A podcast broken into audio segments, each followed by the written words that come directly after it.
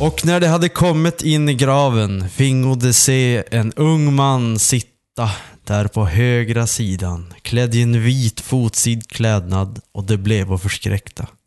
Men han sade till dem, var en icke förskräckta, i söken Jesus från Nasaret, den korsfäste. Han är återuppstånden, han är icke här. Se där är platsen där de lade honom. Återuppstånden är även PFUS. Så som Jesus, så också Ja. PFUS. Exakt. Jaha. Välkommen till Döden och återuppståndelsens avsnitt. Man skulle kunna ha trott att det skulle äntligen införlivas avsnittet om kristen rock. med, det, med det introt. Ja. Men vi håller våra lyssnare på halster ett tag till. En säsong till. Vi har bara utlovat i fyra säsonger än. Exakt. Men det kommer att bli, mm, eh, ja som sagt, död och återuppståndelse Mm. Utlovar vi. Död är ju ett återkommande tema, men återuppståndning, ståndelse, vad fan heter det? Stånd, stånd, Stånd. är väl också ganska återkommande. Det, det har man ju oftast när man pratar med er. Ja. Men ja, det blir spännande. Eh, det finns ju vissa personer som lever som mittemellan liv och död. De kallas för zombies. Ozzy Osbourne är väl en sån. Mm. Det får man väl ändå anse med hans Ja, digra ålder. Han exakt. har väl varit dödförklarad flera gånger, tänker jag. Ja. Mm. Jag vet inte, har- såg ni den här serien Osbourne när den gick? Ah, något avsnitt sådär. Något Okej. klipp. Mm. Jag såg hela, jag såg alla säsonger. Han var ju som såhär... Sharon! Eh, Men frågan är om man, om man överdrev sin zombiehet där, eller om han verkligen var sådär zombie. Han kanske blev, han kanske spelade på det där att han uppfattades så. Och så blev han som en karikatyr på sig själv lite grann. Som, Ja, som det- jag tror att det blir i många sådana här reality-grejer. Ja. Ja, eller som Billy Corgan sa, att det är svårt att ibland skilja mellan vad som är en stage-personlighet och ens riktiga jag efter ett tag. Ja, men exakt. Eh, Men han, han, och det här var ju ett tag sedan, så han måste vara ännu mer zombie nu alltså. Men jag tror han har blivit lite redigare, eller? Eller jag tror att han blev bättre ett tag i alla fall. Okej. Ja, jag minns ju att han, han eh, hade ju sån här en GPT, så han var ju och sprang och sånt. Ja, och sen så har han ju Eh. varit ute på en massa turnéer och grejer. Ja. Ja, i alla fall. Han, han kanske är nästan en återuppstånden zombie. Ja. Ja, kanske. Men när man är så jättegammal, då, eh, han har ju nu slutat köra bil. För att han, eh, han hade en liten bumper kiss on the freeway with someone. Eller som du så fint skrev, han har tagit bort sig från vägen. ja, just det. oh, det är väl såna grejer som man skriver och så sen så glömmer man bort det. Bara, åh, vilken fyndig person. Vem kan ha kommit på något så fyndigt? Ja, nej, så att eh, han slutar ha insett att det är inte värt att köra bil längre. Varför? Och han var, det för att han, var det för att han krockade, eller? Jo, det var väl någonting, ja, det var väl något sånt där att han bumpade någon. Ja, det, var väl, han- det var väl en, en lång historia av eh, mer, mer eller mindre allvarliga olyckor, som jag förstod det. Han var, Ja. han var som less på att ha det ansvaret, att framföra Mm. ett fordon. Visst minns ni när han eh, vurpade med fyrhjulingen? Ja, vad var det för någonting? Det var väl på Osborns, tror jag. jag tror Eller också nå- det. Mm. Han slogs ju helt fördärvad. Han kunde ha gått riktigt illa. Alltså, fyrhjulingar, det är farliga grejer. Alltså, Det ska, in, det ska inte gamla person. Det var ju någon, det var ju någon här i Västerbotten som eh, hade kört ihjäl sig. Aha. Det var ju typ i Ozzy Osbournes ålder. Ute i skogen och så bara burp, föll den på honom och gick sönder. Ja, det kunde ha gått så för oss också om han hade varit nykter. Exakt. Han är ju helt bra på att falla när man är full. Så man, Jo. slås ju aldrig på riktigt. mjuk och fin. Men, men det jag funderar på här när han slutar köra, han har, ju så, han har ju så pass mycket pengar så att han kan ju anlita en, han kan ju ha en chaufför som kör han överallt. Men eh, vanliga personer, de har ju inte den möjligheten. Och, men då funderar jag på, för jag har alltid tänkt så här, ja men när man blir nog gammal, då borde man ha ett så nytt kört, körtest typ varje år. Ja, men, så att du verkligen, så inte är ute och slirar i, i eh, trafiken och du ser knappt vad du gör och du vet knappt vad du gör och sådär. Men Mm. eh, vad anser ni om det? Är det någonting? Alltså varje år tycker jag kändes lite överdrivet, men... Beror på, ka, kanske beroende på hur gammal, alltså när du är över 100 då är det varje år. Men Mm, när du är kanske en- 70 så var 50 år. Stigande skala sådär kanske. Ja. Alltså, först 20 år emellan och sen 15, sen 10, sen 5, sen... Ja. Ja. Fast det kanske inte behövs i framtiden för då har vi alla så här automatstyrda bilar. Exakt. Ja, egentligen så har jag tänkt att man borde göra om eh, körprovet eller testet med jämna mellanrum. Man ska ju inte klara det. Man har ju säkert glömt bort hälften av alla skyltar och regler. Mm. Ja, fast jag tror att det är mer så här äh, vett i trafiken som är... Jo, exakt. Jag tror ändå man att jag är en hyfsat bra förare även om jag inte skulle klara uppkörningen. Nej, Jag- alltså du ska inte ha... Du, jag, jag tänker att testen inte ska vara... Det ska ju vara typ så här, ja men kanske lite syn och lite reaktionshastighet och så typ bara allmänt köra lite grann så då ser den bara, ja men han verkar någorlunda okej. Man ska inte behöva kunna alla skyltar, det är ju omöjligt. Jag tänker också det här att man blir sämre på att köra med åldern. Alltså alla som är 70 idag, de har ju aldrig liksom sett en rondell när de tog körkortet till exempel. Nej, just det. att, alltså det fanns ju inte, massor av de regler som finns idag fanns ju inte då. Så det är klart att då blir de ju dåliga på att köra bara för att det kommer massa nya regler som de inte kan också.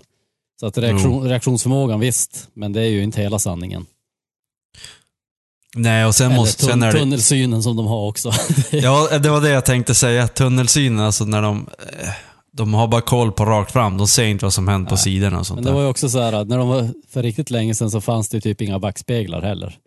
Ja, just det. Så det kan ju också vara en sån grej att de bara, äh, jag har aldrig lärt mig använda backspegeln. Exakt. Jag tror att det värsta det är ju inkontinensen.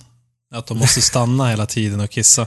Tror du inte de kör som Ja. tävlingscyklister, att de bara pissar, pissar på sig? Just det. Nu har jag pissat på sig. Kör. Mm. Därför luktar surgubbe i, när man köper en gammal bil. I, I alla fall Ossi, han tror jag, han tror jag körde på den. Ja. Han kör som, eh, han har bara ett hål rakt igenom. Som på Transsibiriska järnvägen när man går på toan ja, där. just det. När man spolar då bara, alltså det är som en fast botten där man bajsar och kissar så här. Så det lägger sig på det. Och så när man spolar, spolar gör man genom att trycka ner en pedal som fäller ner det där locket som bajset ligger på. Så faller det bara Mm. rakt ner på spåret. Nice. Så att de låser ju, när man kom närmare stationerna, då låste de så här fem minuter innan. Och sen när man Ja, har okej. lämnat stationen, då öppnar, eller låste de upp toan igen. Så undrar hur mycket bajs det ligger längs Sibiriska järnvägen. Alltså det är en hel del bajs. Det lär ju vara det. De har Hund... plog längst fram på tå- tåget. Ta sig fram. Det blir Jontas nästa projekt. Ja. Men, men det jag undrar på det här med gamlingarna, det... Nu har inte jag någon statistik på det, men alltså stat, statistiskt, hur ofta är gamlingar med i olyckor i trafiken? Det känns som att det inte är så ofta. Att, att det är mer typ så här 22-åriga killar som är Jo, men jag tror Olyckor. att grejen är det att eh, det är ju gamlingarna som är orsaken till olyckorna. För de kör så jävla sakta så folk blir vansinniga och gör såna här konstiga omkörningar och kör i diket. Aha, du tänkte så? De ökar på stressen på alla andra bilförare. Aha. Exakt. Eftersom de inte har någon stress, de bara nej, jag har inte så bråttom. Det är exakt de har all tid i världen. Jag tänkte Ja, på exakt. gamlingar när de är ute och går. Alltså sådana som är riktigt gamla, du vet 90 plus. Ja. Det tar ju, alltså bara att gå 100 meter måste ju ta säkert 10 minuter. Då kan du verkligen inte ha bråttom någonstans. Då är Nej. det så här, okej, idag så ska jag ta mig ner till affären och tillbaka. Och jag ska vara tillbaka innan solen går ner. Mm. Ja. Det är ungefär det. Och om jag, om jag lyckas med det, då ser jag det som en vinst. Då behöver jag inte göra något i resten av veckan. Exakt. Ja. Mm. Eh, man får ju inte dricka öl i trafiken, men i poddar får man dricka det.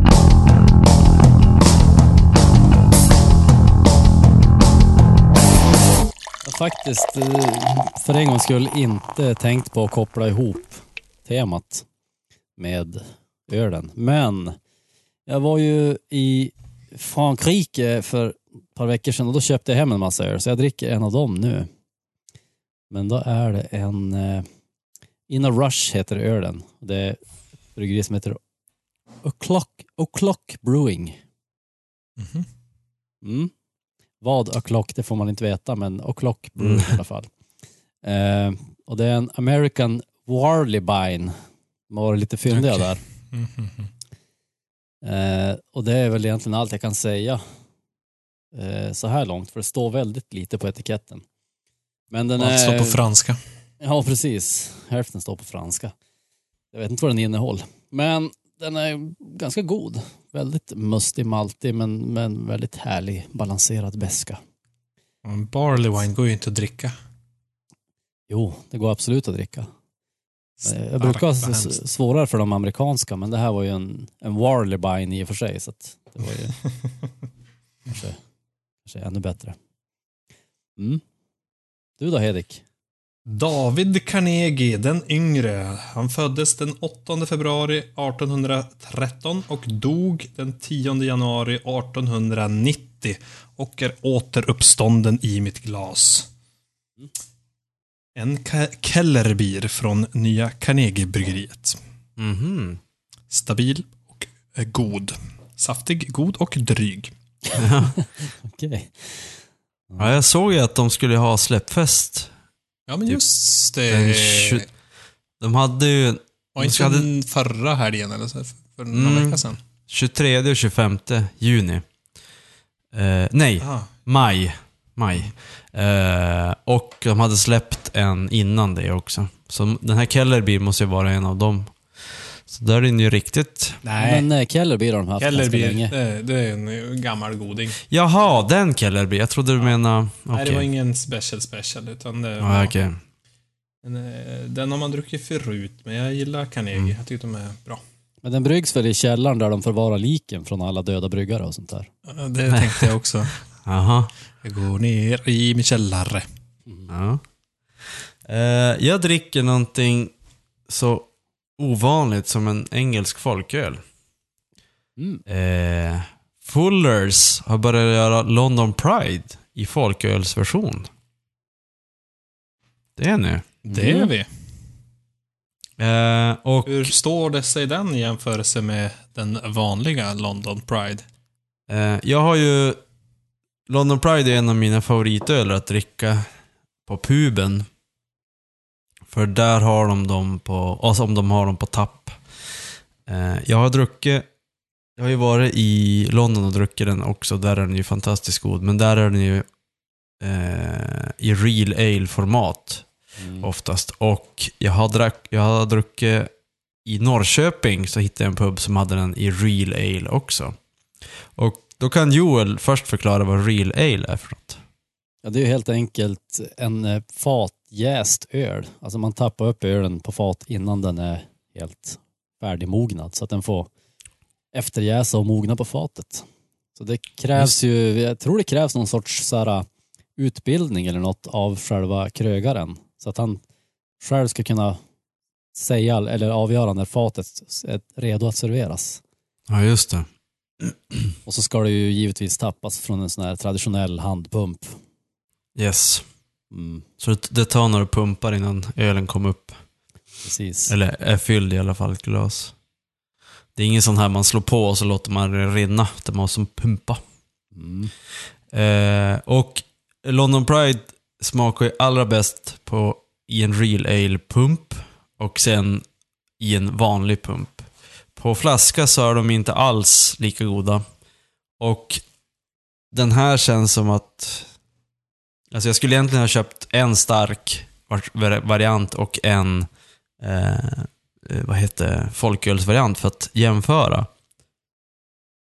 Jag tänker att du dricker den ändå så pass ofta så att du borde veta. Nej, jag, jag gör ju inte det, för den, de har ju tagit bort den från Bishop i sitt standard eh, tapp. Ja, men okej, så du brukar inte ha dem hemma på flaska? Nej, jag tycker inte alls de är värd, alltså. Det är så pass stor skillnad mellan tapp och eh, flaska så det är inte värt att dricka ur flaska. Så jag dricker dem bara ur Mm, men på tapp på puben. Eh, och den här är ju... Ja, jag vet ju inte. Jag kan inte jämföra, men jag skulle gissa att den här är lite sämre än den andra som finns på flaska. Eftersom den är svagare. Mm. Så att... Eh, Och det- mm, nej. Ja, det behöver ju inte vara sämre. Jag tänker att deras Fullers, eh, vad heter Chiswick Bitter, den är ju typ den Ja, bästa den är bitter bra. som finns. Den Mm. är bara 3,5 procent Mm, i den Sverige är i alla bra. fall. Mm. Eh, Men den här, är- nej, den här kan jag inte rekommendera till någon som är van att dricka Fullers på, på tapp. Men däremot så, som 3-5, om om det inte finns något bättre 3-5, alltså det finns vanlig svensk öl, så skulle jag säga att då är det ett alternativ. Pappa Emeritius 3. Heter han Emeritius? Jo. Ja, men något sånt. Emeritius, det låter som att det, det är en sån så här söderhavs, eller inte, mellan medelhavsö eller Är det någonting. inte emeritus eller något sånt där? Ja, det låter i och för sig exakt. bättre. Det låter mer som Emer- latinskt. Ja, exakt. Pappa. Emeritius. Ja men, nej, jag och frugan tar barnen till ett Emeritius va? Ja, pappa, pappa, eh, vad heter? Pappa Svensson semester. Ja, exakt. Nej Ja, men, det är ju alltså eh, sångaren i Ghost. ja, eh, som har dött. Han gör ju de- det med jämna mellanrum. Ja, nummer tre. Eh, och blivit ersatt av en icke-pappa. En kardinal va? En kardinal ja.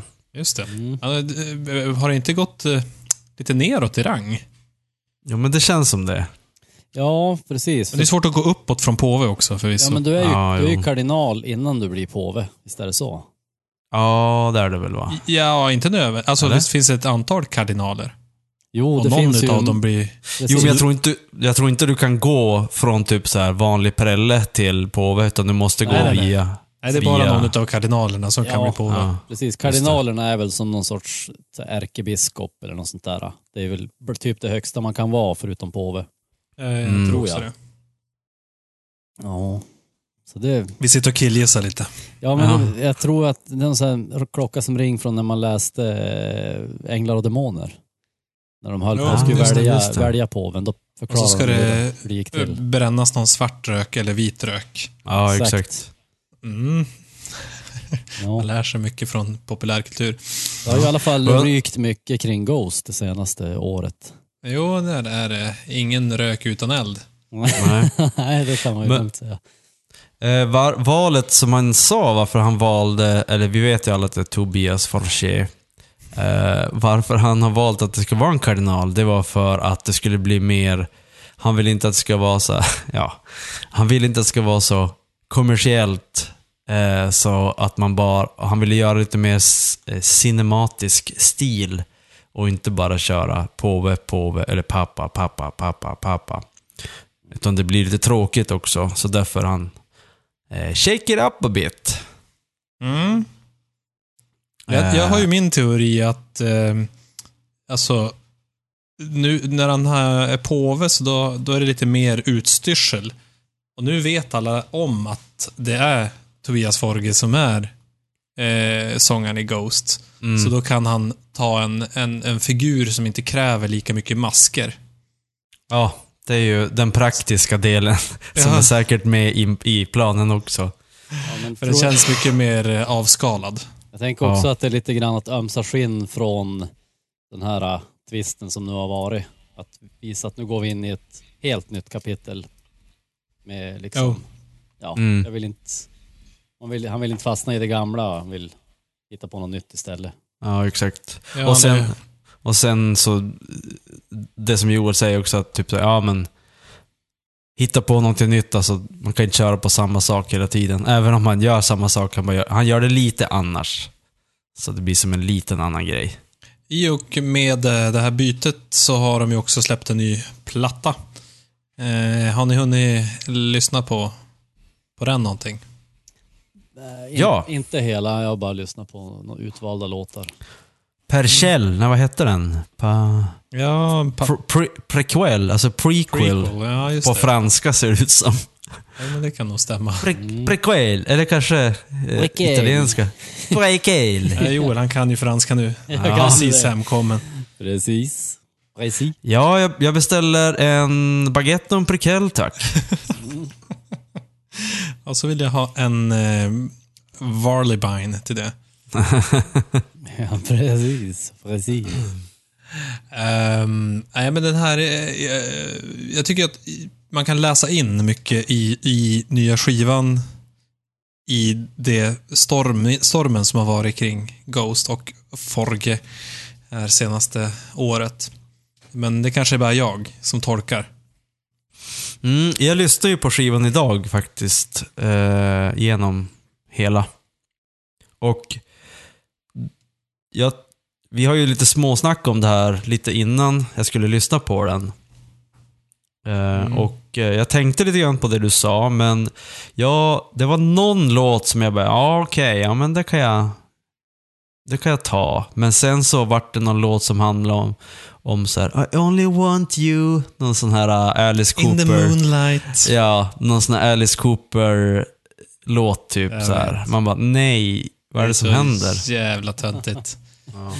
Men... Och, eh, och, och, då, då tänkte, och då lyssnade jag mer på låttexterna. Det var som så här, nej, alltså... Eh, jag tyckte att de kändes väldigt så här banala och tråkiga och typ så här, ja men... För jag tycker musiken är nästan, det är nästan lite så här att det börjar gå mot 80-tal nu. För förr var det lite mer, kanske, kanske 70. Men nu börjar det bli som så här, eh, vad heter de här banden med hemska Ja, friller? Glamrock, typ. Glam, ja, men jag bara, va? Det låter lite glamrockigt det här. Jo, men jag tycker också att det är lite, det är lite synt och det är lite... Eh, ja, men jag håller med, lite banalt. Och jag såg faktiskt att Aftonbladet hade eh, recenserat skivan och jag menar, de... Ghost har ju varit allas favoriter i princip, media och blivit hyllade överallt. Men här är de ganska rejält sågade och precis som du sa så är det att liksom texterna tycker de är så otroligt banala. Mm. Eh, att det är det som är det absolut sämsta, men även att det Dans Macabre låter som ett ratat melodifestivalmaterial. Ja, faktiskt. Jag tänkte på det när jag läste den där uh, recensionen. att Och så lyssnade jag på den efteråt bara, jo, ta mig fan. Jag tycker till och med att det är nästan värre, att det låter nästan som dansband på sina håll. Ja. Om man bara skulle byta lite, lite mindre dist och lite en annan typ av sång så skulle det vara riktig dansband alltså. ja.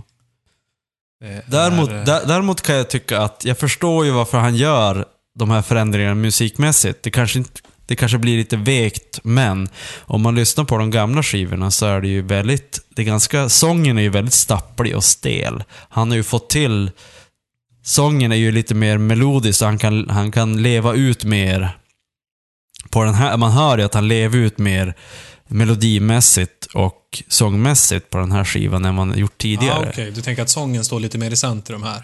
Ja. Och att han har börjat ta in så här, han har, låten som hade, det var en låt som hade, det, det var, tyckte jag nästan var den bästa låten, det var den som hade eh, blås på. Mm, just det, jo, han har någon med saxofoner. och- Ja. Det var lite coolt faktiskt. Eh, och så sen var det ju väldigt mycket piano, eller mycket, men det var ju pianolåtar, den här Promemoria, som var lite rolig att den hette så, hade ju som någon så här pianogrej i värsta så här. Så att jag förstår vad, vad han vill göra eftersom man pratar om det här att det blir tråkigt att göra samma sak. Och det är klart, det blir tråkigt att göra samma sak om du ru, eh, ritar in dig i ett hörn och bara kan göra Ghost-musik. Eh, och då är det det här, ja, ta ett steg framåt och då lämnar du, då, du kanske får nya fans men du lämnar nog en del bakom det också. Ja, det är alltid... Det, det är ju en chansning att göra det. Samtidigt så tycker jag att det är oundvikligt. För som du säger, det blir ju... Ingen orkar lyssna på ett band som låter likadant i 20 år. Nej, speciellt jag tycker att han, han har ju skapat ett sound med Ghost som är ganska, alltså eh, det är ju inte som ett stonerband som där du har, ja du får göra sån här musik, punkt slut. Men det är ju fortfarande ganska strikt, han har ju Han har ju... Eh, eh, för han är ju som skapar den här... Det är som en egen liten genre. Den är ju ganska strikt i, i hållningen på sången och sånt där tycker jag, när jag har hört tidigare. Det har ju varit väldigt så här. Jag ska låta som en zombie i sången hela tiden. Ja, okej. Har jag Och- inte tänkt på. Och eh, ja, nej men. Så musikaliskt tycker jag att det har blivit lite mer svängrum. Jo, nej men det har det väl. Ja. Men som sagt, sen som det har gått åt... Eh, pendeln har svängt åt rätt håll eller inte, det kan man ju diskutera. Ja, det känns ju som att det här är ju mer... Det, det, det var väl väldigt hypad den här skivan och att den är ju mer... Eh, vad ska man Den är ju mer inbjudande än de andra. Den här eh, för oinvigda personer. Hur mycket tror ni nya medlemmar påverkar då? De, de nya, Ingenting. nya tongångarna? Nada. Ingenting? Nej. Tror du, Nej. att, tror du att han regisserar minsta lilla blink? Ja, det tror jag. Om jag var han skulle jag göra det. Jag tänker att det är också... Han, han, han, det- enligt vad man har hört så... Han, han säger att han, han är ju king of pop. Jag tror ju att snarare möjligtvis att avsaknaden av de gamla medlemmarna kan påverka. Om man har spelat ihop i eh, fem år så, så tänker jag att man ändå har... Eh, de lär ju ha bidragit med någonting. De gamla medlemmarna och liksom varit med i processen lite grann. Jag tror inte att det är som han säger att han är ett enmansband med liksom backingorkester utan Nej. Jag tror, Och inte, jag tror du- inte att något band är så egentligen. nej, nästan inte. Det, det, beror, det beror Så också då- på vad man... Då har Ja. de, eh, liksom, inf de influenserna försvunnit. Eh, vilket gör att, i mitt, mitt upp, min uppfattning, att det här är mycket plattare. Eh, Ja. De har tappat mycket djup i det. Mm. Mm. Jag tänker också Jag att tror- eh, när man får, alltså, man får ju inte bara liksom direkt så här feedback på det man gör, utan man får ju indirekt, kanske det du menar också, att man får indirekt inspiration eller så av sina andra medlemmar. Alltså bara genom stämningen i bandet kan man ju få, in, alltså, man kan känna någonstans att det här passar att spela för oss. Och så om man, Mm. man helt plötsligt byter ut Mm. alla medlemmar utom sig själv så kanske man får en annan känsla och vill skriva något annat. Jo, men det tror jag också. Och, eh, ja, men, och feedback och liksom Ja. hur snacket går och sådär. ja. Jag har ju svårt, Men jag skulle att, svårt att tro att alla skulle bara sitta och vänta på att få en färdig låt med toner liksom som de ska spela och så här, utan att sätta minsta lilla personlig prägel på det. Nej, jag, jag tror ju att... Jag skulle nog säga att han kommer med en färdig låt och sen så får de röra sig inom en liten... Alltså... Jag tror inte de andra medlemmarna gör egentligen så mycket. Alltså de, han, han kom, så här, så här är melodin, så här är ackorden. Och min, han har säkert, alltså om jag var han, då skulle jag också sett bygga trummorna i datorn. Och så sen, ja det här är grundgrejerna. Du får, eh, du får eh, eh, måla, måla lite grann runt det här som grunden som jag har gjort. Eftersom han kanske inte är trummis, så han kan inte alla så här specialgrejer. Jag, jag tror ju att han står för väldigt mycket av alltihopa. Även om de, de får lägga till små grejer så möjligtvis att de kanske, jo men jag har en idé på ett riff här. Eh, är det ungefär som i den här sketchen med, om, om Selma Lagerlöf. Ja, vi vet ju inte någonting om henne, men Nej. jag tänker att eh, hon var en eh, glad gammal tant.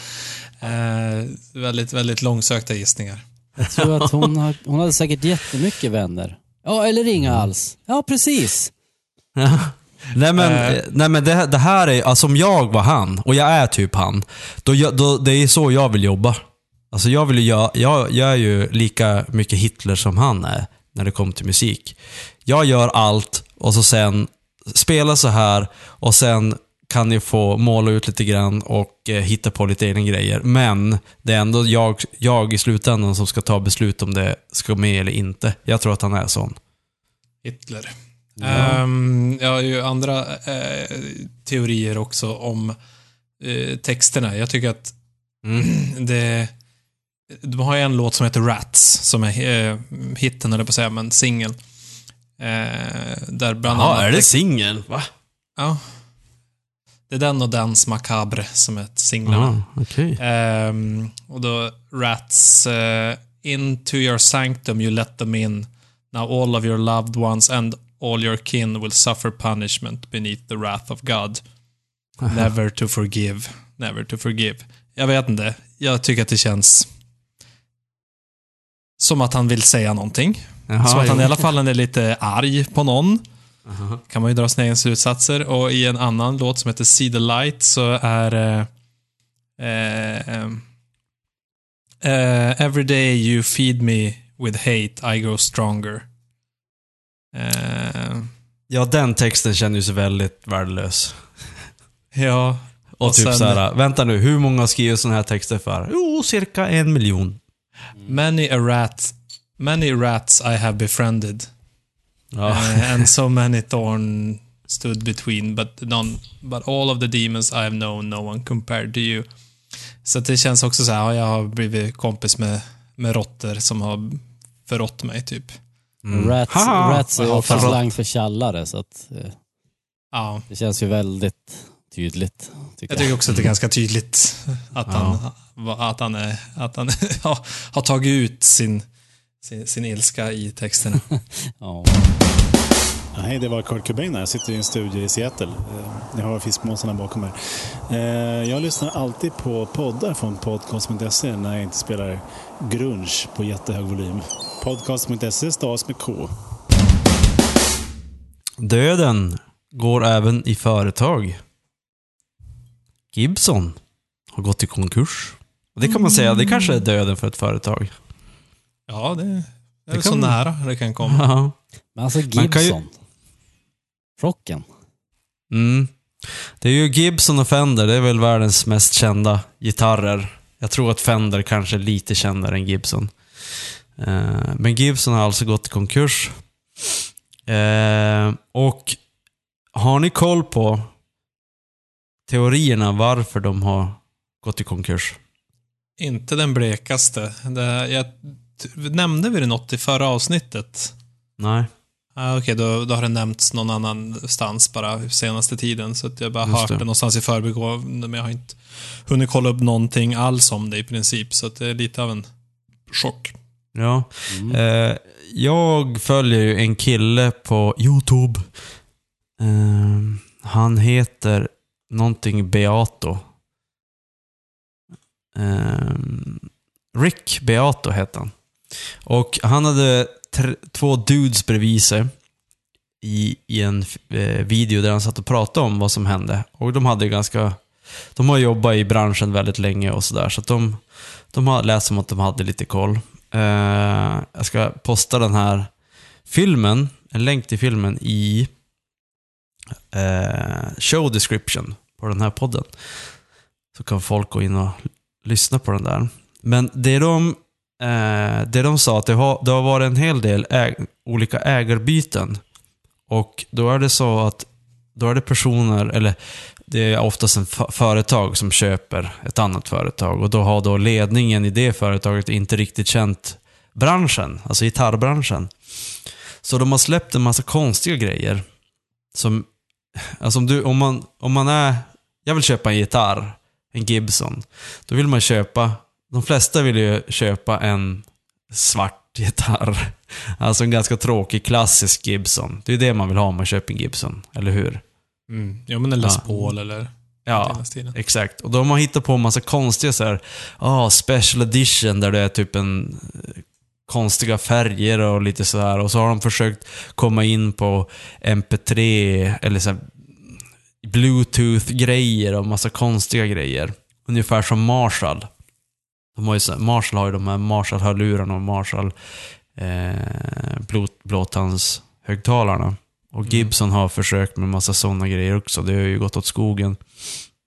Så problem, och problemet är då att de har de är, de är ju ganska dyra gitarrerna, Gibson-gitarrerna. De har ju levt på grund av deras billighetsmärken. Nu kommer jag inte på vad de heter. Epiphone heter de.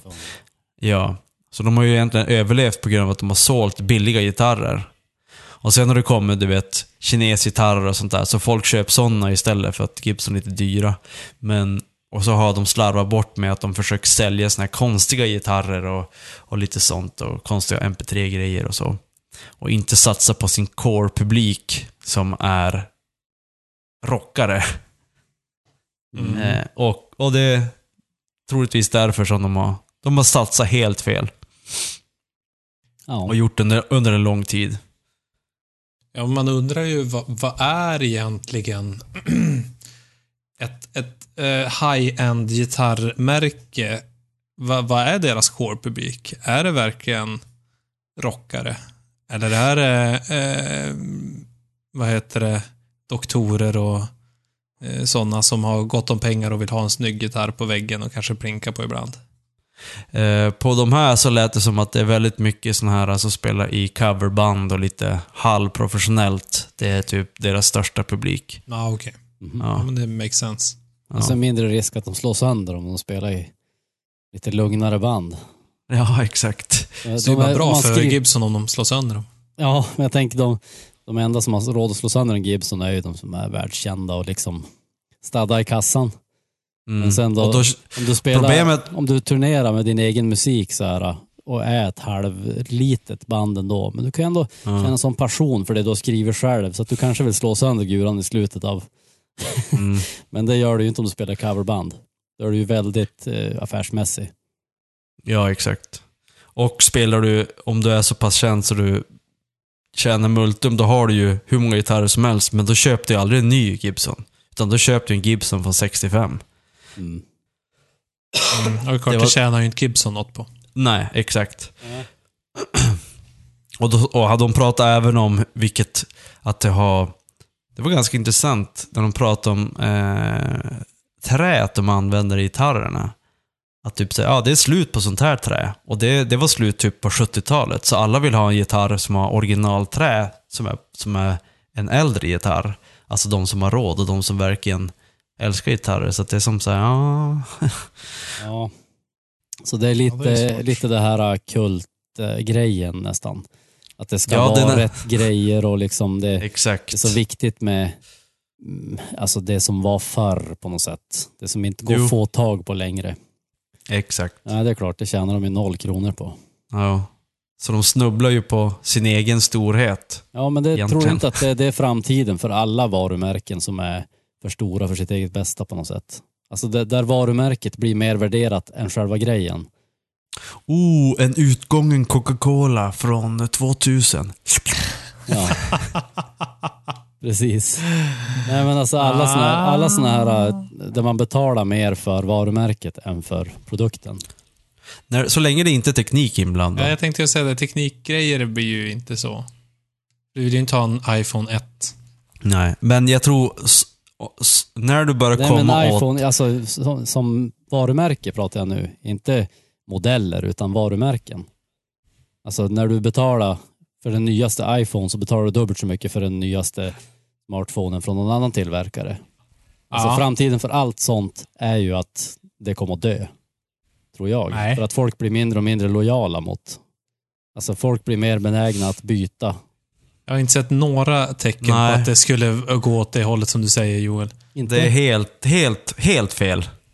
Alltså, eh, alla teknikföretag, eh, det enda de vill göra är att låsa in dem i sina egna produkter.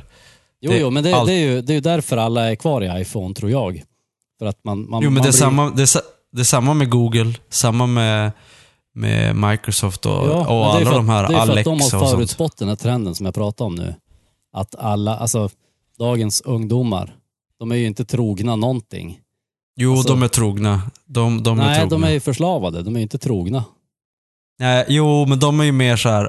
alltså på våran tid, då var det coolt. Oh, jag har en Gibson-gitarr. Och så bara, oh, jag har en Apple. Och det, det visar ju min, vad jag är för sorts person.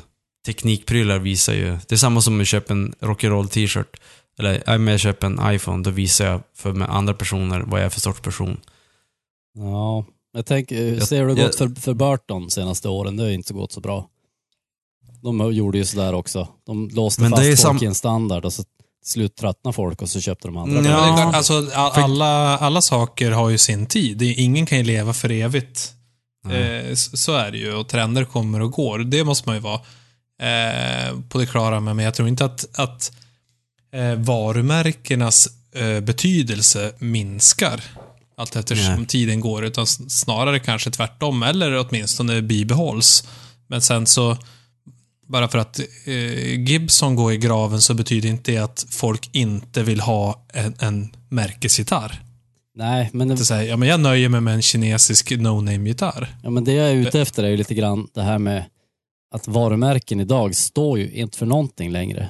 Alltså, alla köper ju komponenter av alla. Liksom. Det finns ju inte ett varumärke idag som står för att vi har våran standard och det kommer alltid att vara den standarden och du kan alltid lita på vad du får. Utan det är så här, de köper ju in det som är billigt som ändå håller den nivån de vill ha. Liksom. Ja, det är ju Ja, det här, jag tror, ja, men där tror jag ändå att eh, liksom trenden går lite åt andra hållet med all, alla hipsterrörelser och jag tänker du som jobbar på ett eh, ölbryggeri, jag tänker att ni har ju också en säkert en image av att ni använder bra råvaror och gör allt från grunden och att det är en del av, av det ni säljer och att ni faktiskt också står för det. Jo, absolut. Och det gör vi, men vi är ju inget stort varumärke direkt.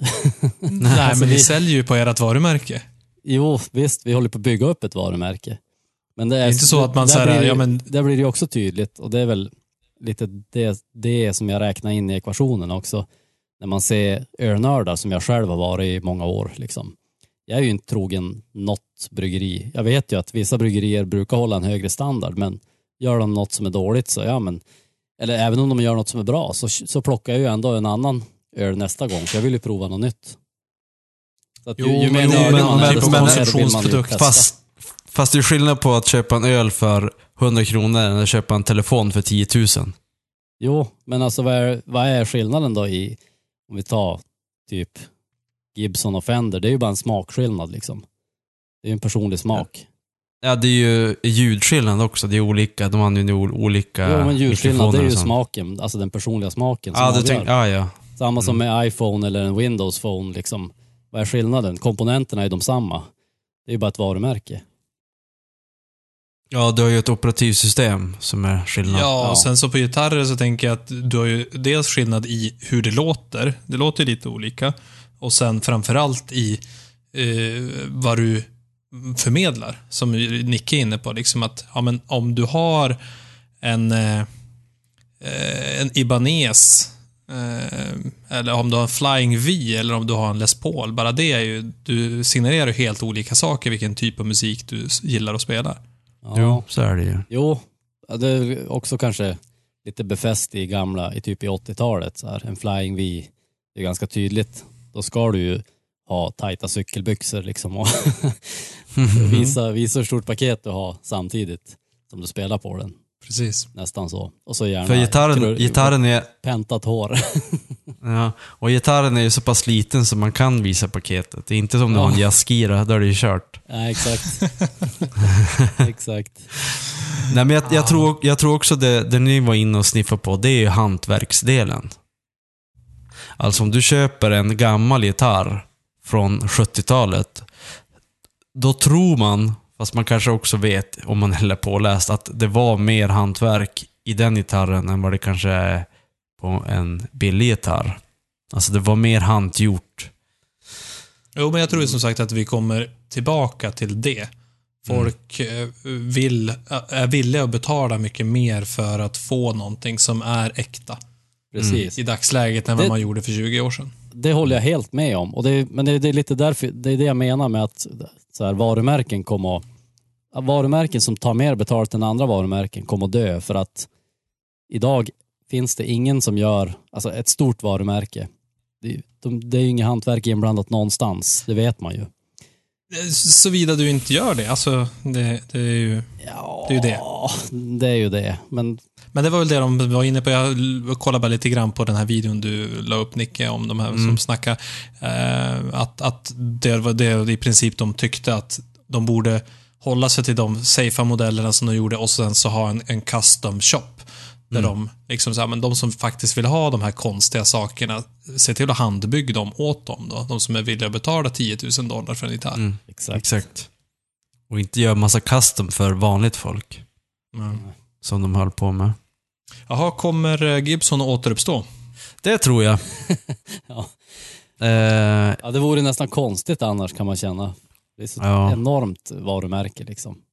Jo. Många mil miljoner höll jag på att säga som slängs bort om man lägger ner det. Eller ja, men Om det det ska, vara det ska vara intressant om, om Fender köpte upp Gibson. Nej, gud vad tråkigt. Och de köper upp Gibson och lägger ner det bara. Nej vänta nu, de var redan i konkurs. Fan. Vill ha ner en massa pengar på ingenting. Nej men de jag låg tror... väl typ- 500 miljoner dollar back va? Ja, det var ganska mycket pengar. Så att det, det är en del. Men det är klart, Jo. går man i konkurs, då stryks ju det. Mm. Eh, och så är det bara att starta om på ny kula. Ja. Jag ska, jag, okej, jag satsar mina pengar nu på att den blir en, en kinesisk ägare. Oh. Tror du det? Nej, jag tror inte jag. Jag tror att det ändå blir en amerikansk ägare, någon nostalgisk miljardär som går in. Mm. Ja, vi får se. Ja. Joel, tror du på att det är du som köper? Jag tror att William Gibson kommer att köpa upp det. Aha. Författaren. Och så Ja, kommer han att börja göra Neuromancer-gitarrer. Där man, stopp, man spelar inte, man stoppar bara in ett USB-kabel i hjärnan. Du tänk Och så bara tänker fram man. musiken. Tänk ackord. det vore perfekt för mig. Ett A, ett, ett A-ackord, ett till A-ackord. Vänta, vad ska nästa bli? Nej, förbannat! Nu har jag tänkt på nakna tjejer eller någonting och så spelas det upp. Det kommer åt helvete det där.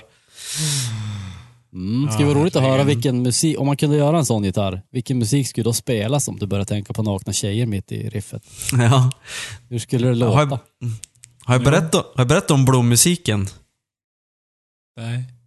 Eh, det finns ju en grej du kan stoppa in som någon sorts kännare i en blom, eller ja, alltså i jorden bredvid en blomma. Och sen, så, för en blomma skickar ju elsignaler. Eller någon sorts signaler i alla fall. Och då kan du sen ta en kabel och så koppla in i datorn och så konvertera blommans signaler konverteras till midi. Okej. Så, så då kan du ta och köra in midi typ i, i Cubase och så sen så sätter du ett piano på den där. Så blommans eh, signaler blir en pianolåt. Mhm. Där har vi framtiden känner jag. Spännande. Ja. Ja. men det här är ju ganska nära vårt AI-avsnitt som vi hade. Ja. Jag var, jag, när jag såg det där, jag bara oh, jag ska köpa. Och så bara nej, 2 500. Ah, det kanske inte är värt för, ett, för bara en rolig grej. Du måste först odla upp en blomma som du tycker riktigt bra om. Ja, och lära upp den. Då skulle, man, då skulle det vara roligt så här. Man har flera olika blommor i olika ljudisolerade skåp. Och så har du en sån här... Du, du lär upp en dansband. Du spelar bara dansband hela tiden. Och en så lär du upp dödsmetall. Och så kör du det i ja, men, ett år kanske. Och sen så kör du in, alltså det ska vara samma blomma. Eh, från samma frön, eller hur man nu gör med blommor. Eh, samma skott. Eh, och så sen så testar du midi från båda de två och ser om det blir olika. Jag tror det skulle bli exakt samma resultat. För att blomman som du matar med dansband i ett år, han kommer ju ha suicidala tendenser så han vill ju... Han kommer ju, han kommer ju att vara mörk i själen och, och köra black metal liksom.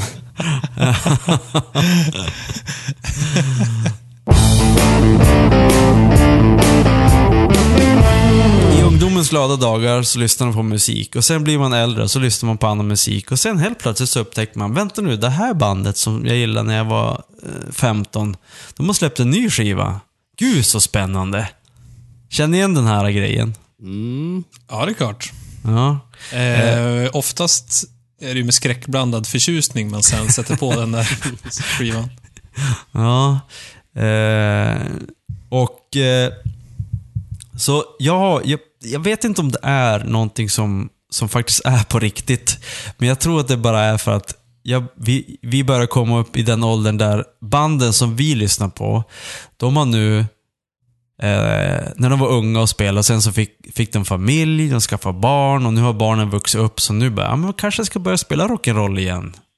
Så de är typ kanske tio år äldre än vad vi är. Ungefär som att vi börjar vara i den åldern när folk eh, har skilt sig och gift om sig snart igen. Ja, lite så. Exakt. Eh, tror ni att den här teorin är någorlunda vettig? Ja. Eller är det, mer, är det mer som att för oftast är det också ett band, typ så här, ja men det vart varit bråk eller någonting och sen så går det typ 20 år och så bara, ja men och så träffas de på någon fest och så bara, ja, vi kanske ska, ja men det där gamla bråket, det kanske inte var så viktigt. Jag tror ju hellre på det, för jag tänker att de som gör comeback, eh, de har ju oftast inte, inte spelat alls. Utan de har ju fortsatt hållit igång sin karriär men gjort annat. Andra band och så. Så det är inte så att de har lagt av med musik helt och hållet och tagit hand om barn i Ja. tio år. Det tror jag inte. Okej. Ja. Alltså jag skulle vilja nästan slänga in en kil här och, och vilja defini- definiera så här, vad är en comeback? Eller vad är en återuppståndelse när man ser det i bandmässigt? Så här, måste de ha gått igenom stora förändringar i livet medan bandet har varit tyst så att säga? Eller måste de ha officiellt avslutat bandet och liksom komma tillbaka? Eller vad, vad, är, vad är själva definitionen av en comeback? Antingen, Ja. antingen så ska du ha officiellt avslutat bandet eller så ska du inte ha släppt en skiva på minst sju år. Sju år? Ja, men... var, var, var får du den siffran Ja, men det är så, det är, men det är fakta. Är det från, är från röven som vanligt? Eller, Jag tror det själv. eller vart drar du det här ifrån? Nej, men det, det är ju uh, undisputable facts. Okej, Jag skulle, jag skulle vilja dra upp det till 10 år. tio år. Sju, sju är nästan lite kort, för det finns band som kanske släpper var femte år eller någonting och då börjar det bli nära sju. Jag tänker ju, innan vi börjar gå in på, eller för att öppna med ett band, jag tänker eh, Soundgarden, ett av mina favoritband. De släppte ju, jag tror det var 96 eller så här, Down on the Upside. Och sen la de, de, de sa väl aldrig att de la ner riktigt, men det var som underförstått att ja, vi kommer inte att göra något mer tillsammans, fast vi har, vi har inte stängt dörren och så vidare. Och sen 20... Nej, jag, tycker, jag tycker också att man behöver inte säga att man har slutat, utan man kan... En del säger att ja, men vi tar en break. ja. Men, men det kan också, som Joel säger, att det kan vara lite halvt underförstått. Precis, och det var, jag tyckte det var ganska tydligt underförstått när de slutade så att säga att ja, det kommer inte bli något mer. Så sitt inte och vänta. Och när släppte de don't nästa? sit up at night eh, så, så här, och vänta. Ja, då släppte de 2012. Det minns jag tydligt för jag var i USA samtidigt som den, eller det året i alla fall som den släpptes. 16 år. Ja, sex, ja, eller om det var 96 så är det väl... Ja, det är 16 år, ja, precis. Så det är mer än en dubbel comeback då. Ja, om det, om det nu är sju år som gäller. Ja, herregud ja. Det, Ja. är, eh, det är en tydlig comeback. ja, men eh, ja, sen vart det inte så mycket mer för då, nu, nu ska det bli en comeback nu, då blir det en riktig återuppståndelse vi snackar om. jag vet ju inte om 40 år till när, när eh, den här eh, DNA-tekniken. Precis, då kan man ur Mm. ett DNA utvinna hans medvetande och ladda ner det på ett USB-stick och så kan de starta bandet igen. Måste bara hitta något plektrum där lite blod på eller sånt där. Ja. Förstå när den- vågen kommer, alltså när de får fram Elvis och Kurt Cobain och alla såna Mm. här Jim Morrison och satan vilken, vilken comeback-våg det kommer att vara då under de när, Ja. närmaste åren då. Ja. Ja, nej, men spelar roll. Eh, Den här, den här Warley-binen, den vet bra kan jag säga. Vi har varit väldigt kreativa. Jag var i alla fall på en eh, spelning som skulle kunna ha eh, klassats som en comeback-spelning igår.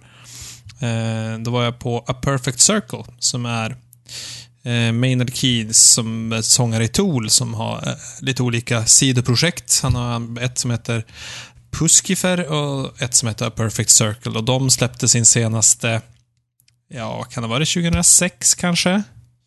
Ja. 20, nej, kanske till och med ännu tidigare. Och så släppte de ett nytt album i år. Mm.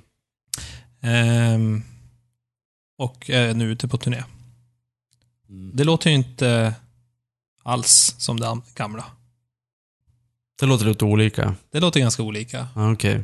Och jag har Den- inte lyssnat den så mycket på det hans andra sidoprojekt, det här Puskifer. Eh, men, men från de som gör det så säger de att det låter nästan mer som det bandet. Ja, okej. Just det.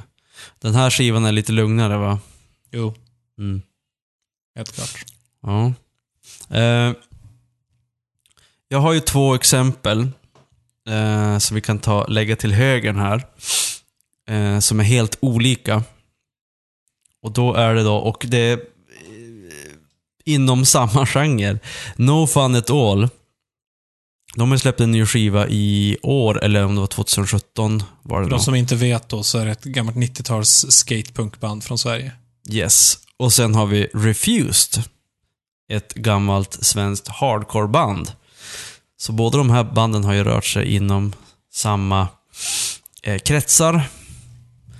Eh, och de kom ju också med en skiva i, i 2017.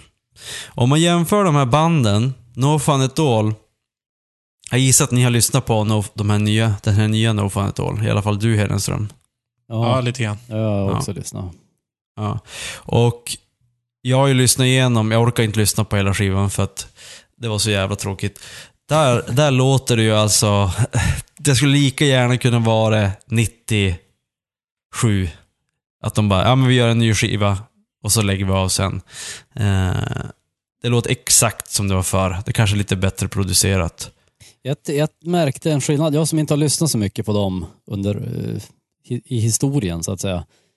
Mm. Jag jämförde de här två låtarna nu som du la upp också. Jag tycker att Yes. Det var inte 100% samma musik, utan det, jag tyckte det var en lite mera, vad ska man säga, melodiös variant, den senaste låten.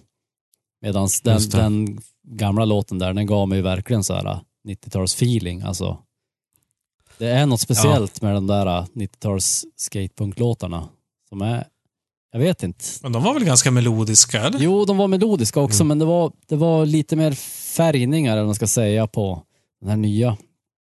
Jo, men det, det är ju också, de har ju utvecklat sig som musiker. De var säkert Ja. typ 20, 22 och 23 när Precis. de spelade in. Precis vad man kan förvänta sig av en, en som Ja. har blivit en bättre musiker men vill spela samma musik. Ja, exakt. Så skulle jag definiera det. Ja. Och om man lyssnar då på Refused, eh, det gamla Refused som var eh, toppen av europeisk hardcore, eh, som är mer punk, punk, punk, eh, vad ska man säga, eh, punkcentrifierad istället för den amerikanska som är mer, mer metal. Eh, den här nya skivan, den låter ju inte alls som det gamla Refused. Kan ni hålla med där? Jag har faktiskt inte hört den nya Refused, så jag kan inte säga. Alltså Okej. där, där, där har jag en, en eh, motsatt eh, syn på saken. De här exemplen som du tipsade om här också tyckte jag eh, faktiskt var ganska, hade ganska mycket likheter. Alltså, Ja, jag tycker inte det var, eh, jag vet inte, du skrev något om att det var helt, låt helt olika, men jag vet inte, helt olika lät det ju inte tyckte jag. Det var ju, ja, man, kanske, man kanske hör att det är samma band. men jag tror att du kanske har en bättre, eh, du är mer insatt också, för jag har inte lyssnat så mycket på hardcore som du har gjort. Ja. Nej, men jag Så jag har, jag har ju lyssnat samma, vad ska man säga, alltså skatepunk har jag lyssnat jättemycket på. Så, så Mm. där har jag mycket tydliga åsikter, men när det gäller hardcore så jag lyssnar nog lite grövre på det än vad jag lyssnar på skatepunk. Ja. Alltså, Nej, men jag har ju lyssnat på den här Refused-skivan och eh, eh, det är ju väldigt, jag tycker att det var i alla fall väldigt olikt mot för det gamla Refused. ja. Eh, in, in, det var så pass att jag inte bara, nej men jag vill inte lyssna på den här skivan. Eh, den tillförde inte mig någonting så mycket.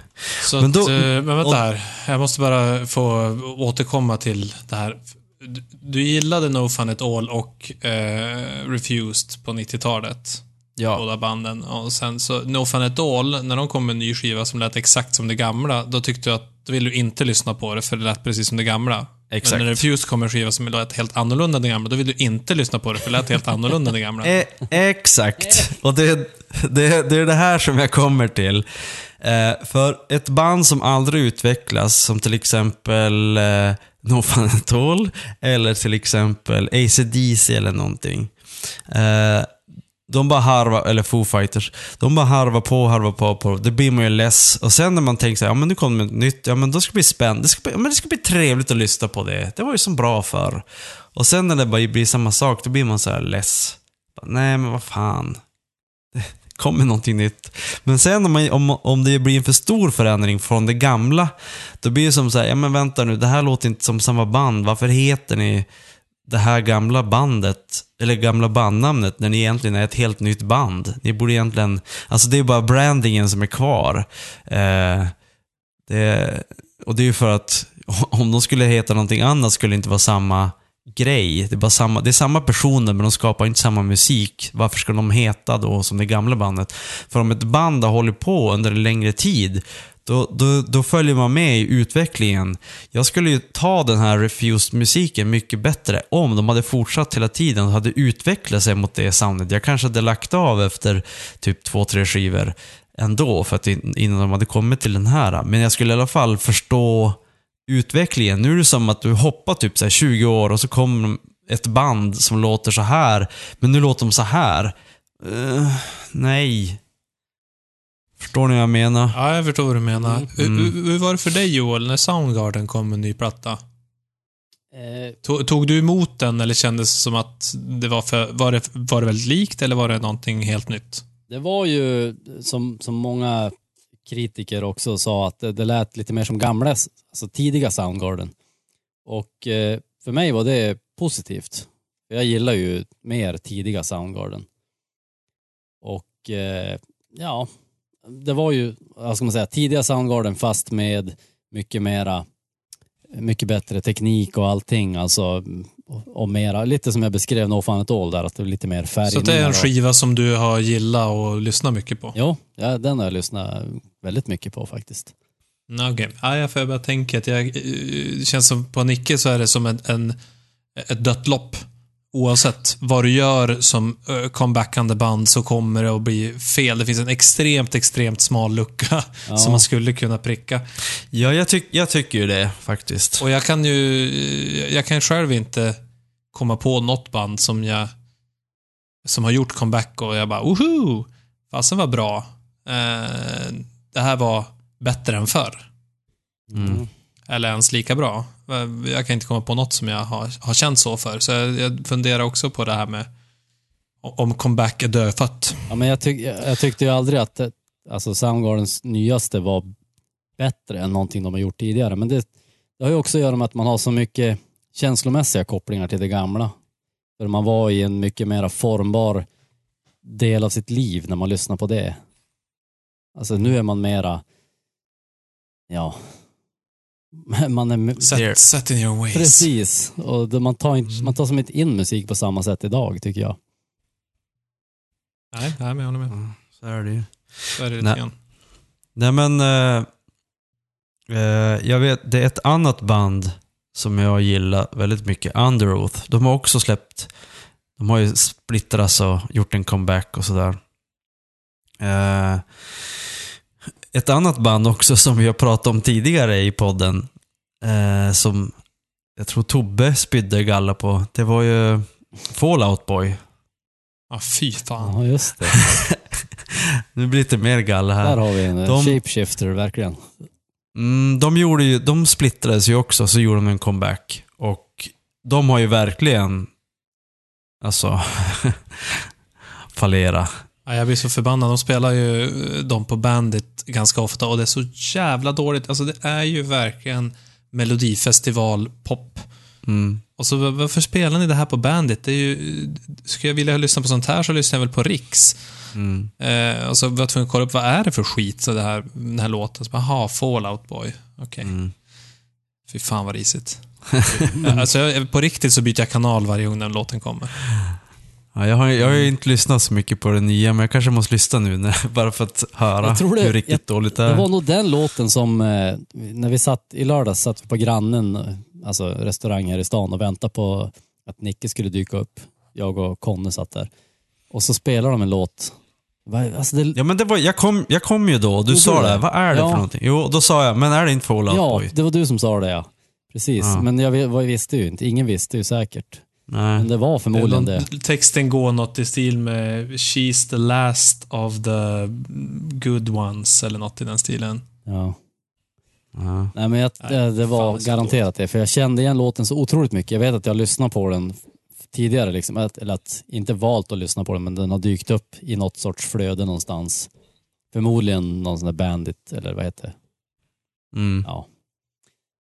Ja, Men, men Joel, eh, om vi tar ett band som kanske har lyckats med comebacken då. Det är ju Soundgarden som du pratade om tidigare. mm.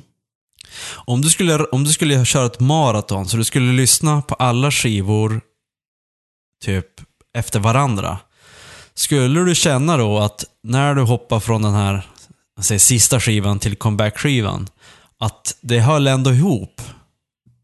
Håller det ihop rent soundmässigt, soundmässigt, soundguardsmässigt? Eh, och typ så här, ja men alltså, så att det känns som att ja, men det är samma band. Det är samma band och Det är in- en naturlig utveckling. Ja, exakt. ja, det tror jag faktiskt.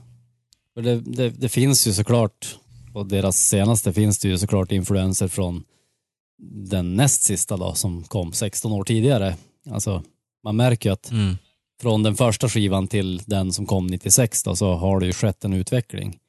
Och det känns ändå som att de bygger vidare på den utvecklingen, men de, de tar tillbaka lite av det gamla också, lite av ursprungskänslan sådär. Och att, att gå den vägen behöver ju inte bara vara för comebackande band. Om man ser ett Nej. band som Precis. eh, Metallica till exempel, så känner jag att deras senaste platta är ju också ganska tydligt att de har velat gå tillbaka till soundet de hade förr. De har ju liksom experimenterat lite grann från sent 90-tal fram tills nu liksom. Eh, men sen har de valt då att gå tillbaka till ursprungssoundet på något vis, men då förstås lite färgat. Mm. Så det tror jag är något som ganska många gör och vilket jag tycker väldigt sällan blir lyckat. Eh, för det är så här, det känns lite desperat på något vis. Så här, men vi, vi var ju stora där på 90-talet, så att varför var vi så stora då? Ja, det var för att vi gjorde sån här musik. Jaha, men då måste vi göra sån musik igen. Nej. Det var bra då, det är inte bra nu. Det är som Nej. att No Fun At All spelar 90-tals skatepunk 2017. Mm. Nej, det, det är gammalt nu. Mm. Ja. Så jag, jag tror mer på att ska man göra en comeback så måste man göra det på... Ja, man måste vara ärlig mot sig själv på något vis och säga att nu, nu, nu är vi så här och nu är det det här Ja. som gäller. Exakt. Mm. Och så Men- bara hoppas att det går en- hem då, Ja, helt enkelt. Ja. Det, det måste ju vara, det, det måste ju ha någon, någon kontakt med, med de gamla skivorna, men det måste ändå vara någonting nytt. Så det, det är väldigt svår, en svår balansgång där mellan... Jo, och det var ju inne på det som du tyckte om Refused då, att eh, om man eh, nu ska köra lite nytt, eh, man, man är samma medlemmar men det är lite nya eh, influencers, ska man då byta namn eh, och Mm. släppa under en, en helt nytt namn. Du, tyck, du kände att det skulle vara bättre. Jag tänker från ett, från ett kommersiellt perspektiv så måste det vara så mycket bättre att göra en comeback. Ja, kommersiellt så är det ju, det är ju självmord att byta namn, alltså skapa ett nytt band. Är ju, Precis. ja. Visst, du har ju säkert kvar så här, ja men det är den här, de här personerna från det här gamla bandet och Mm. fansen kommer upptäcka det. Men du Men- men- når ju mycket större. Men frågan här då, vad är ett band? Är ett band, viss, är ett band, eh, de, vi säger att det är fem personer. De här fem personerna är bandet. Du kan byta ut kanske någon, en basist eller någonting. Ja, men det här var vi ju inne på när ACDC här om avsnittet. Där de har en gitarrist kvar. Ja, Och exakt. de fortfarande kallas ACDC. Ja. Så att absolut, det är, det är, Det är verkligen en lite, fråga. vad heter Ja. Men, men, Ship, vad heter skeppet? eh, Det är någon sån här grekisk myt, skeppet. mm. Ja, någon sorts... eh, En, en skeppsbyggarmyt som brukar användas för att beskriva just det här med när man byter ut saker. När slutar det vara det som det Ja, var ja. från början? Alltså om, typ om, du har, en bil. om du har skepp, En bil. precis, du har ett skepp då, en- och så, och så byter du ut planka för planka, till slut har du bytt ut Ja. alla bitar i hela skeppet. Är det samma Nu skepp? för, tiden, ja, nu för tiden brukar man använda bilen som exempel. Ja, Många, jag har hört den där. Är det samma bil när du har bytt ut alla delar? exakt. Och det är för att vi Ja. ska lättare förstå i nutiden då. Mm, exakt. Men, ja. Ja. Mm. Jo, nej men det som är- bandet, de här fem personerna, eller, är bandet eh, det som man skapar som låter på ett speciellt sätt? Det är väl lite grann så här, så länge det är människor inblandat så är det väl ändå samma. Alltså man för ju vidare saker. Vi människor är ju inte bara liksom mekaniska entiteter, utan det är ju något mer också. Det finns ju någon sorts ande i Ghost in the Shell så att säga.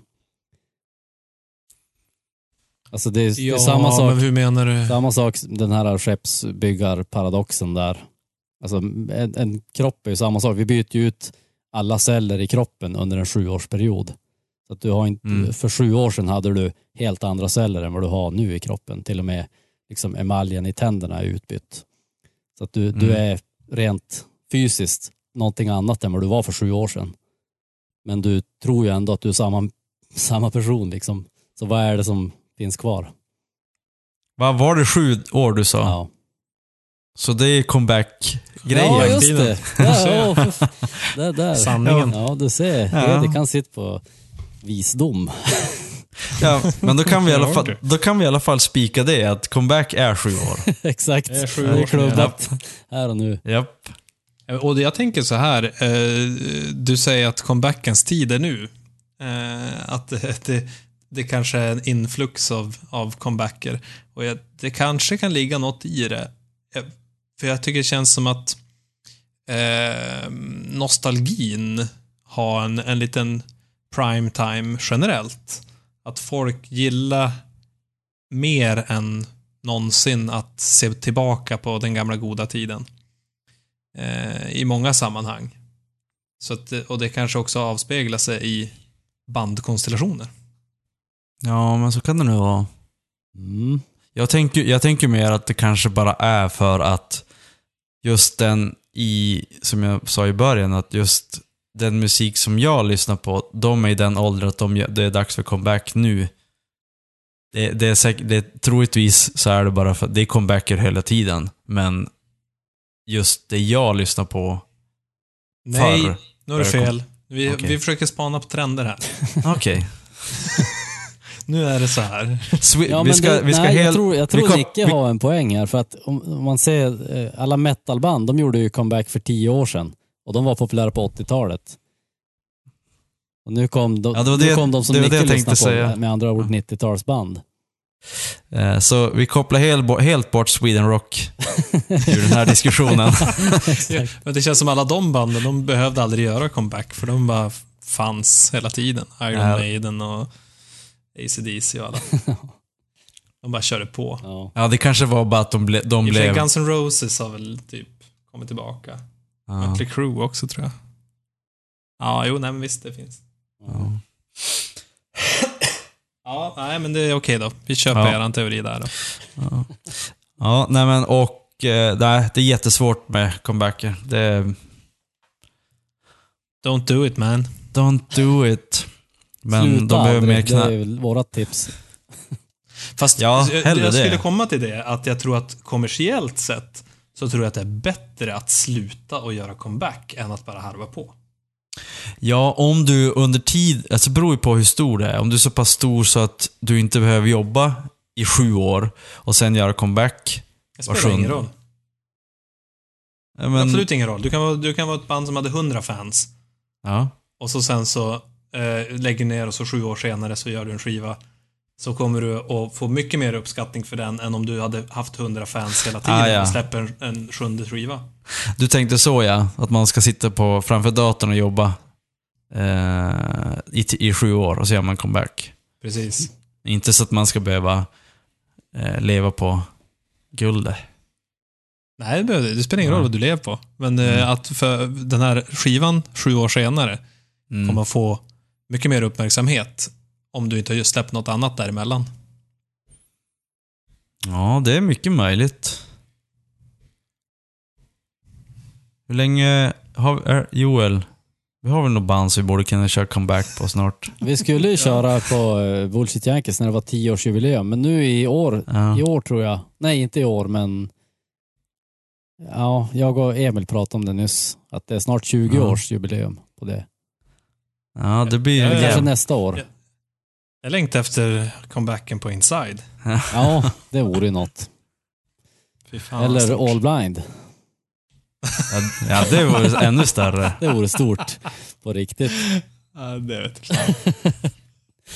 Ja, Det är vi som eh, No Fun It All-comebacken. Ja, precis. Hedik. Vi måste ju Mm. fäktas om vem som ska sjunga på vilka låtar. ja, Det är härligt. som vanligt. Ja. Ja, nej Ja. men eh, bra att vi har bestämt massa grejer. Eh, vi kan skicka ut det här som eh, faktablad till vissa människor. Gör inte comeback. Och, och comebacken är, om du ska göra comeback så måste du vänta sju år. Mm. Exakt. Jättebra. Tydliga besked från Japp. PFUS ikväll. Denna pot er produceert af Ladies No Society. Besok, för mer bra, shit. Därefter, sedan Herren Jesus hade talat med dem, blev han upptagen i himlen och satte sig på Guds högra sida. Men de gingo ut och predikade allestädes, och Herren verkade med dem och stadfäste ordet genom de tecken som åtföljde det.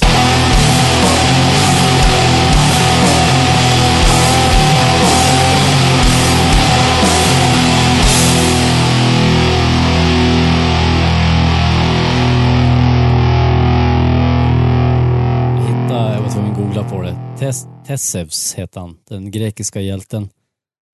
Han for runt i... Med skeppet. Ja, med båten Ja, exakt. Han, så- du vet, alla greker de åker runt med båtar och släktar hydror och sånt där. Och så far de hem sen. Och så när han kom hem, det var något med, jag tror det var han som, hans farsa stod och väntade på honom och så hade, hissade de fel segel så de trodde att han hade dött när han såg seglet. Mm. Så då hoppade han och tog självmord, hans farsa. Så han kanske, Åh, han kanske gör comeback. De var så jävla hetsiga förr i tiden. Ja, va? exakt. Kän, Fel flagg! Nej, jag måste ta reaktiva. Ja, Men eh, oj, oj, oj.